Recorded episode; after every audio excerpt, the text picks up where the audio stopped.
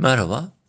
BIST 100 haftanın son işlem gününde de satıcılı seyrini sürdürdü. Kapanış 4618 seviyesinde gerçekleşti. BIST'te yakın destek ve tepki bölgesi olarak değerlendirdiğimiz 4778-4680 bandında 2 günlük tutunma çabası sonrasında satış baskısı yeniden güçlenmiş durumda. 4680 seviyesi altındaki kapanış zayıflamanın devam ettiğine işaret ediyor.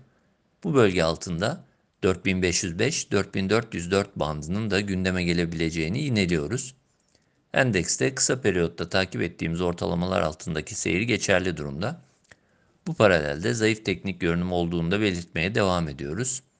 BIST yüzde 200 günlük ortalama 4376 seviyesinde bulunurken kısa periyotta yeni bir iyimserlik gelişebilmesi için 4850-4950 seviyesi üzerine geri dönüşü gerekli görüyoruz.